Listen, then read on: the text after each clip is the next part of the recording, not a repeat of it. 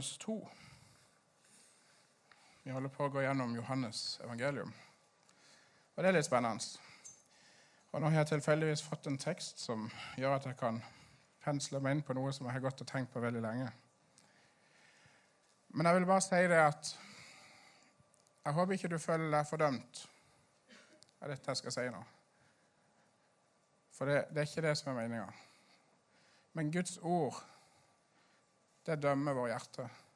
Og Jesus mange av de, Den videoen som ble vist her med pottemageren Mange av de sangene mine sunget, går veldig i tråd med det jeg skal si.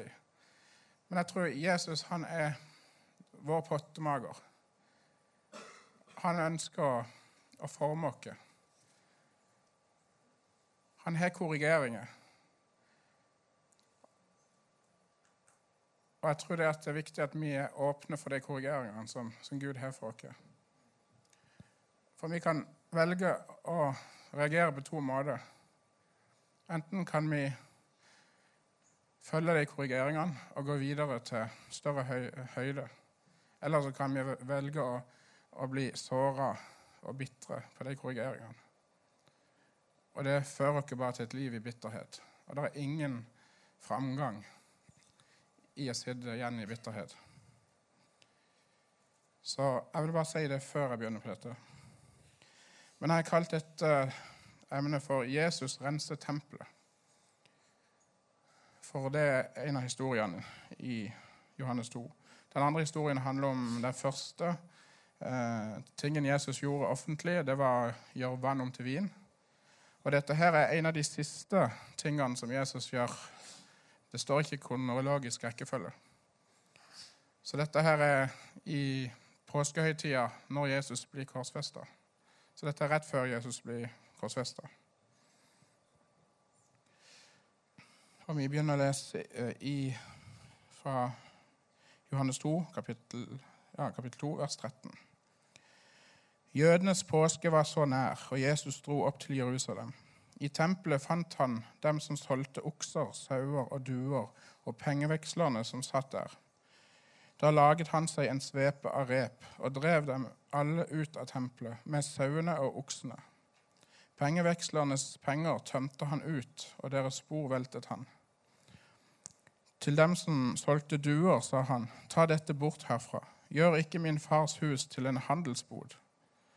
Hans disipler mintes da at det er skrevet:" Nidkjærhet for ditt hus skal fortære meg. Jødene tok da til orde og sa til ham, Hva for tegn viser du oss, siden du gjør dette? Jesus svarte og sa til dem, Bryt dette tempelet ned, så skal jeg gjenreise det på tre dager. Jødene sa da til ham, I 46 år har det vært bygd på dette tempelet, og du vil reise det opp på tre dager men han talte om sitt legemes tempel. Da han var oppstått fra de døde, mintes hans disipler at han hadde sagt dette, og de trodde Skriften og det ord Jesus hadde sagt.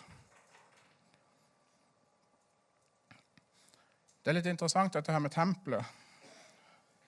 For det skulle jo være et hus som ærer Gud. Der det skulle foregå lovsang, lovprisning av bønn. Og så var det jo disse tre kamrene. Det var forgården, det hellige og det aller helligste. Det aller helligste kom alt, det var kun prestene som kom inn der. Uh, og de ypperste prestene, jo faktisk. Det var bare lederen for prestene. Det hellige det var der som jødene uh, kunne komme og tilbe. Uh, og denne forgården som, som, Jesus var i her, det var den forgården som var for hedningene. Og her ble det her ble det gjort masse urenheter. For de kom og solgte, solgte dyr. Sånn at folk som skulle inn og tilbe og be til Gud, de hørte masse dyrelyder rundt seg. Bæ, mø Tenk dere det der. Bæ, bæ, bæ, Tenk dere alle disse lydene som, som kommer når, uh, ut av dette her uh, dyrene masse penger som klinger, ikke sant, klirrer i kassa. Det var sånn som forstyrra når folk skulle inn og be og søke Gud.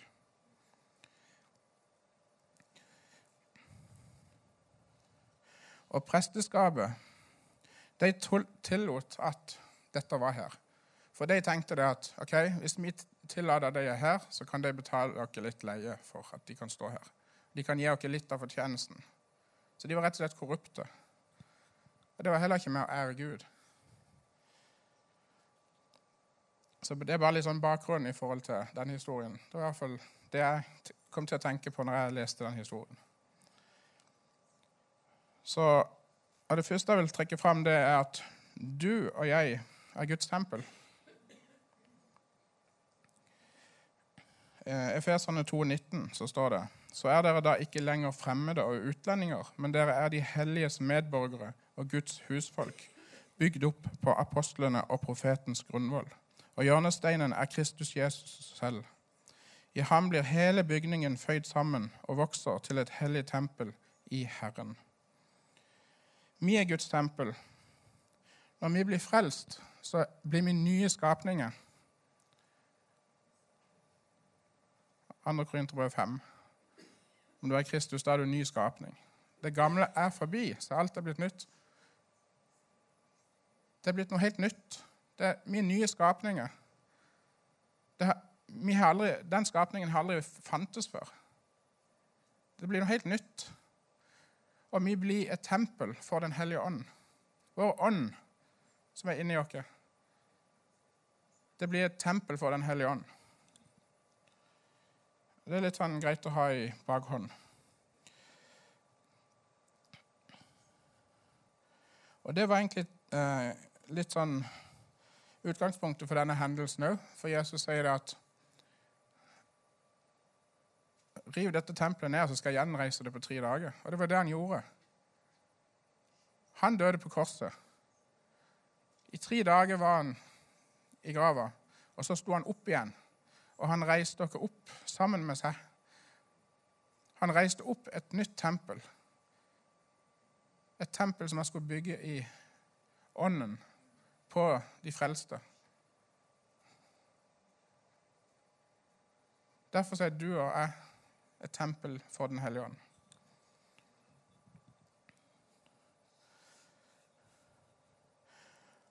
Og Jesus han ønsker jo å beskytte dette tempelet. Han er nidkjær for dette tempelet.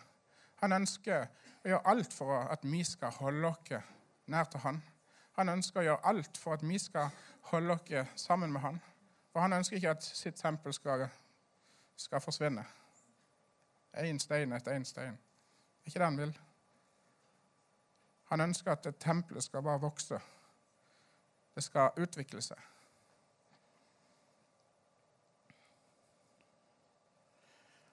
Så når Jesus døde på korset, så revna forhenget i tempelet. Og Guds nærvær det flytta ut ifra det aller helligste, og det flytta inn i det nye tempelet. Så når vi blir frelst, så flytter Guds nærvær inn i oss. Vi kan få lov til å leve sammen med Gud.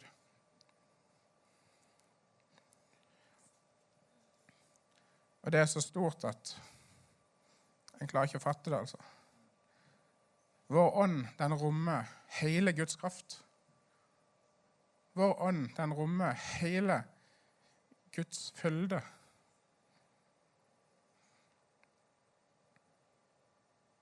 Og det går ikke an å beskrives med ord, egentlig, hvor, stor Guds fylde er der. Hvor stor Guds kraft er. Det tror ikke jeg går an altså, å beskrive.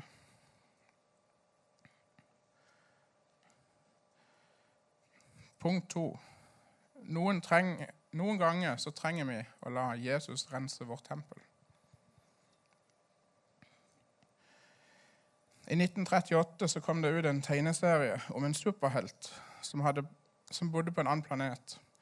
Og Fordi planeten var i fare, så sendte foreldrene han i en rakett til jorda. Og Hans navn ble etter hvert kjent som Supermann. Og denne Supermann hadde superkrefter. Han kunne fly, og han, kunne, han var så sterk at uh, ingen kunne måle seg med han. Men det var én ting som kunne gjøre han til et vanlig menneske, og det var kryptonitt. Kryptonitt var som gift for han. Det var noe av det som begrensa alt han var. Dere kjenner historien?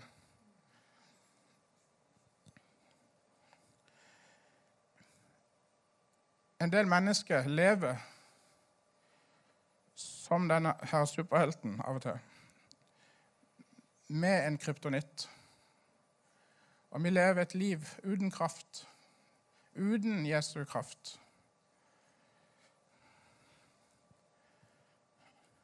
For vi tuller det bare vekk med dagliglivets sysler. Vi tuller det vekk med å være avhengig av alt mulig som gjør at det tar vekk Guds fokus. Og Så lenge vi har denne her kryptonitten sittende fast på oss, så er det ingen kraft. Vi har ingen kraft i hverdagen. Vi har ingen kraft inn i familien. Vi har ingen kraft i vennskapsforholdene. Vi har ingen kraft i menigheten, kanskje. I forhold til helbredelse, i forhold til litt av hvert. ikke sant? Det er så mye vi ønsker. Men hvor er kraften?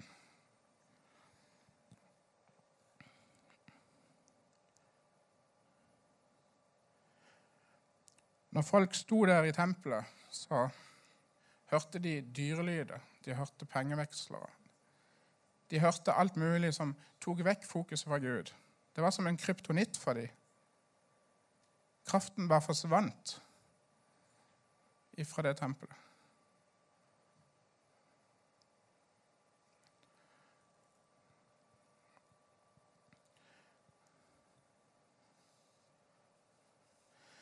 de, prestene de førte urenhet inn i tempelet. De ting som fokuserte vekk fra Guds nærvær. Tilbedelsen. De førte hverdagslivets sysler inn. Ja. ja, jeg var ferdig der.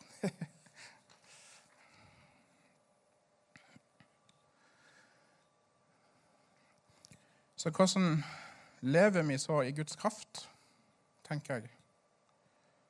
I Galaterne 5,16 så står det Men jeg sier, vandre i ånden, så skal dere ikke fullføre kjødets lyst.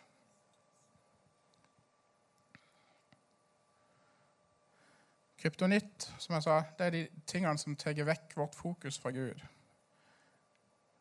Og For meg har det f.eks. vært eh, mobiltelefon.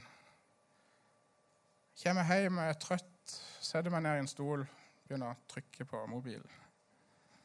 Og så kunne jeg sikkert heller brukt den tida på å søke Gud, lese noen bibelvers.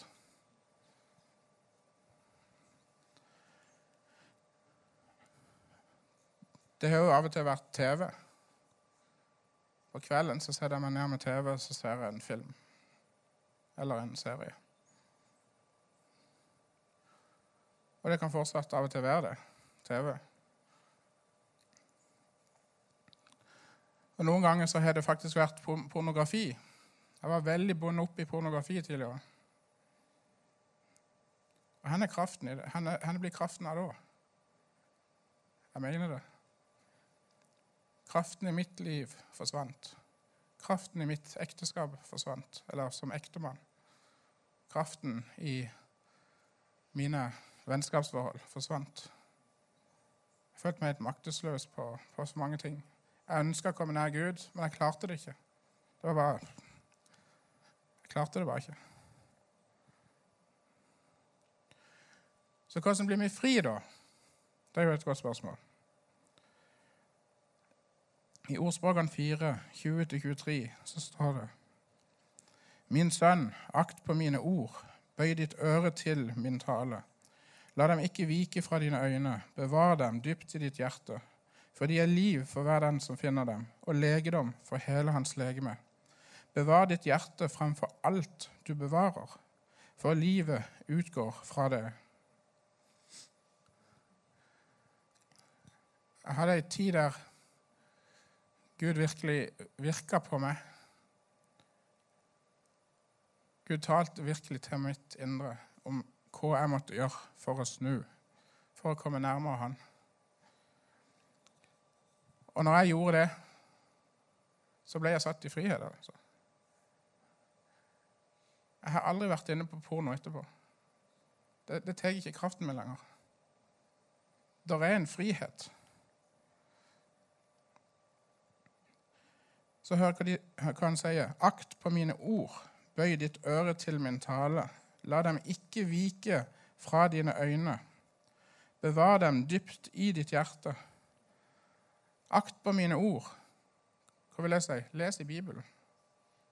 Hold deg nær til Guds ord. Bøy ditt øre til min tale. Bønn og samtale med Den hellige ånd. Jo nærmere Jesus vi kommer, jo mer frihet er det. Jo mer avhengige vi gjør oss av Jesus, jo mer frihet er det.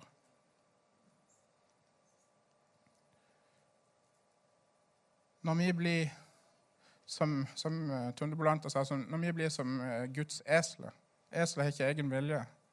Det følger Guds vilje. Ikke sant? Når Jesus satte seg på det eselet, så var det ikke eselet som hadde viljen. Det var Jesus som ledet det.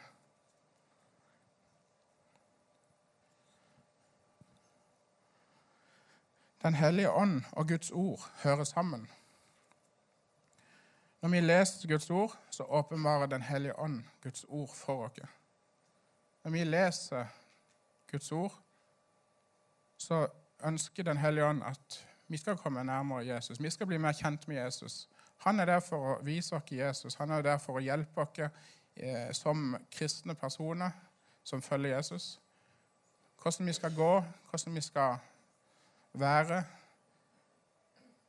Og det er det korreksjon i. Ikke sant? Jesus renser sitt tempel når vi er på det, på det planet der.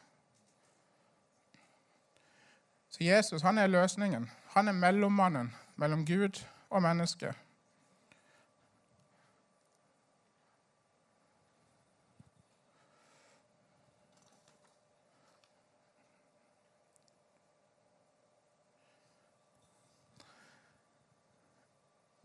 Punkt tre. Forut for Jesu tjeneste var omvendelsens tjeneste, jeg kalt det. For når Jesus kom til jorda, så var det to personer som ble født, som skulle ha en markant tjeneste. Den ene skulle gå forut for den andre. Jesus skulle komme sist av de to. Men før Jesus så kom døperen Johannes. Og han forkynte omvendelse. Omvend dere, for Guds rike har kommet nær. Og det må jo bety noe for evangeliene. Det må jo bety noe for budskapet om Jesus. At han sendte en egen tjeneste før Jesus for å forkynne 'omvend dere, for Guds rike er kommet nær'. Og Så er det litt interessant å se hva Jesus sier. For det første Jesus begynte å forkynne, det var 'omvend dere, for Guds rike har kommet nær'. Det var det første talen Jesus holdt. Og Da er det jo litt viktig, akkurat dette her med omvendelse. Og jeg tror det er veldig viktig at vi lever et liv i omvendelse. Men hva vil det si? I Johannes 8, 31 så står det Jesus sa da til de jøder som har kommet til tro på ham.: Dersom dere blir i mitt ord, da er dere i sannhet mine disipler og dere skal kjenne sannheten, og sannheten skal frigjøre dere. Jeg tror det er en hemmelighet i de versene her.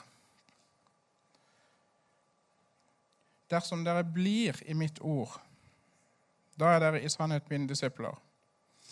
Og dere skal kjenne sannheten, og sannheten skal sette dere fri. Det står jo at Jesus sier jo det at 'jeg er veien, sannheten og livet. Så hvis vi skal kjenne sannheten, hvis vi skal kjenne Jesus, så er det bare én plass vi kan det, og det er gjennom Guds ord.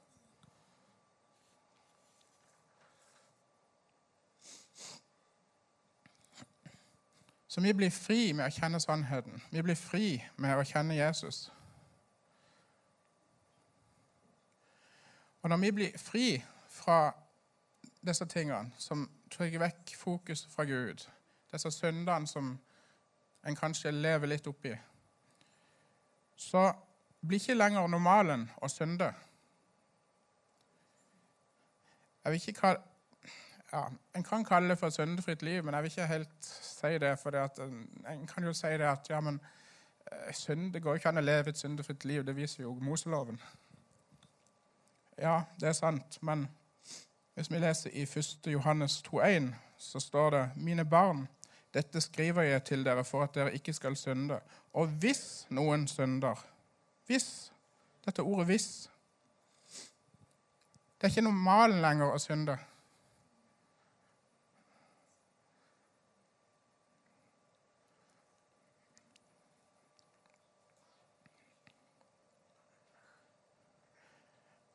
Tror, er, jeg tror disse versene her er en nøkkel til å leve i frihet. altså.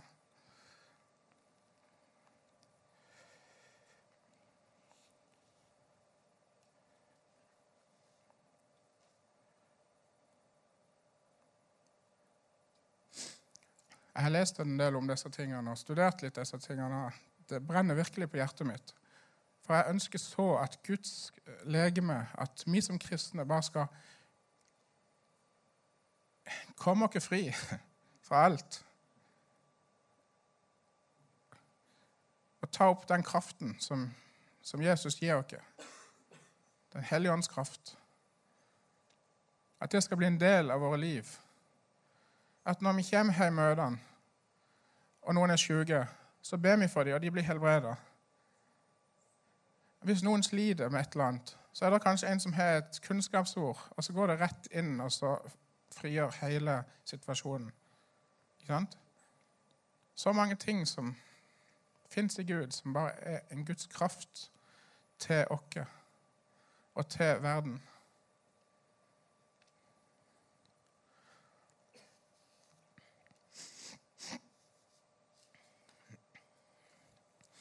I Romerne 8, 1-4 så står det òg noen viktige vers. Så er det da ingen fordømmelse for dem som er i Kristus Jesus. For livets ånds lov har i Kristus Jesus frigjort meg fra synden og dødens lov. For det som var umulig for loven fordi det var maktesløst av kjødet, det gjorde Gud da han sendte sin egen sønn i syndig kjøds lignelse. For syndens skyld og for fordømte synden i kjødet, for at lovens rettferdighet skulle bli oppfylt i oss, vi som ikke vandret etter kjødet, men etter ånden.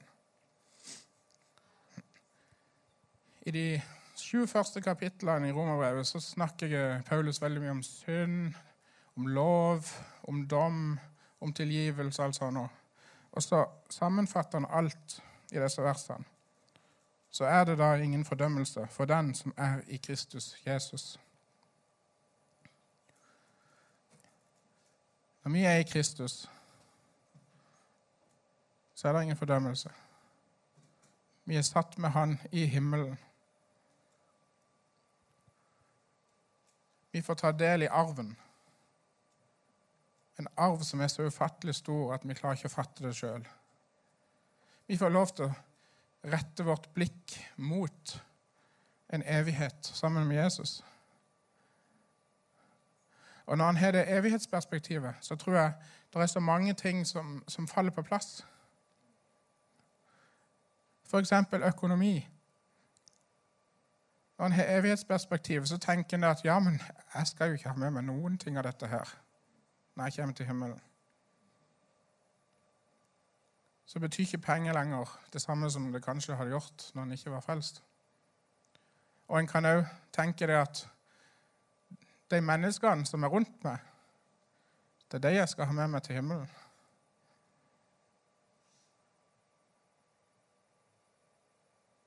Og da gir en kanskje litt mer inn i, i menneskelige forhold enn å sette penger i banken og bygges opp formue og alt sånt. Det er så mange ting som, som blir forandra når en har det evighetsperspektivet.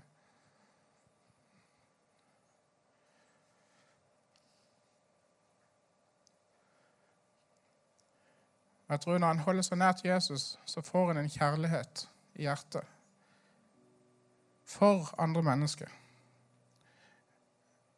En får en kjærlighet til andre, at andre skal bli frelst. At andre skal komme til sannhetserkjennelse, at andre skal komme til Jesus.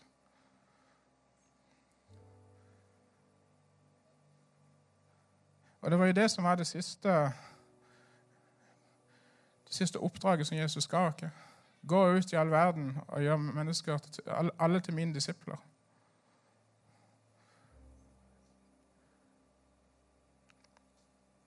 Da tror jeg menigheten blir fylt av kraft igjen overfor andre mennesker. Da tror jeg vi tør å gå ut.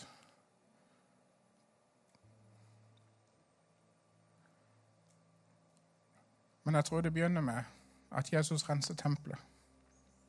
Jeg tror det begynner med at vi er sammen med Gud, og at Den hellige ånd viser oss ting som, som, er, ja, som ikke er rett i forhold til, til Gud. Ting som holder dere vekke fra Guds herlighet.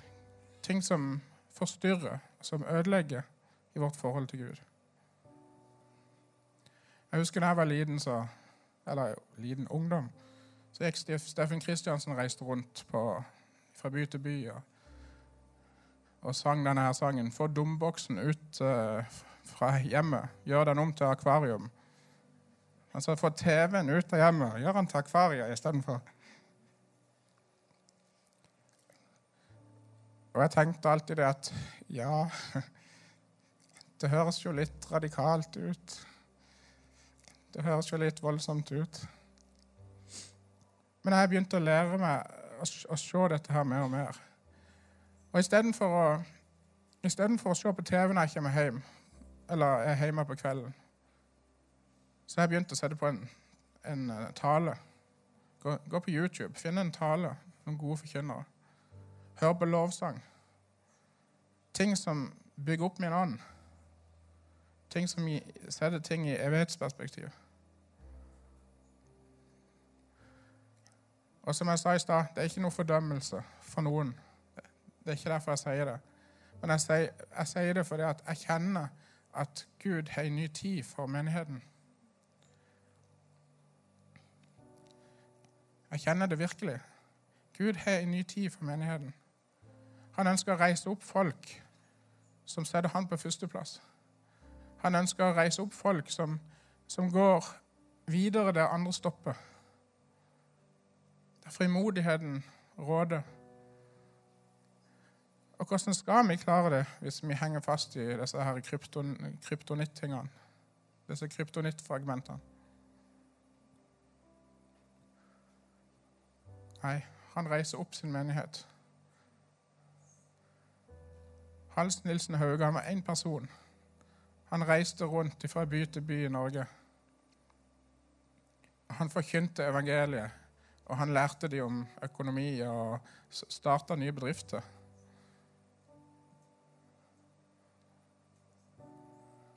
Én mann. Han forandra Norge.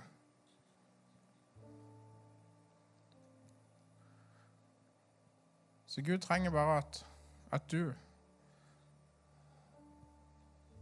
og jeg forandrer våre hjerter og kommer nærmere og nærmere Jesus.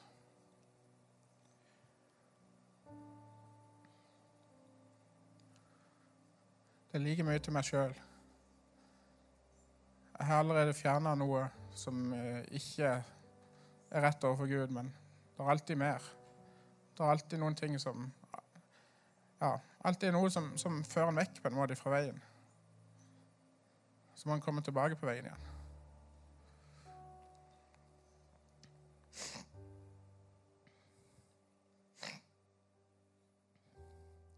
Skal vi alle reise oss opp?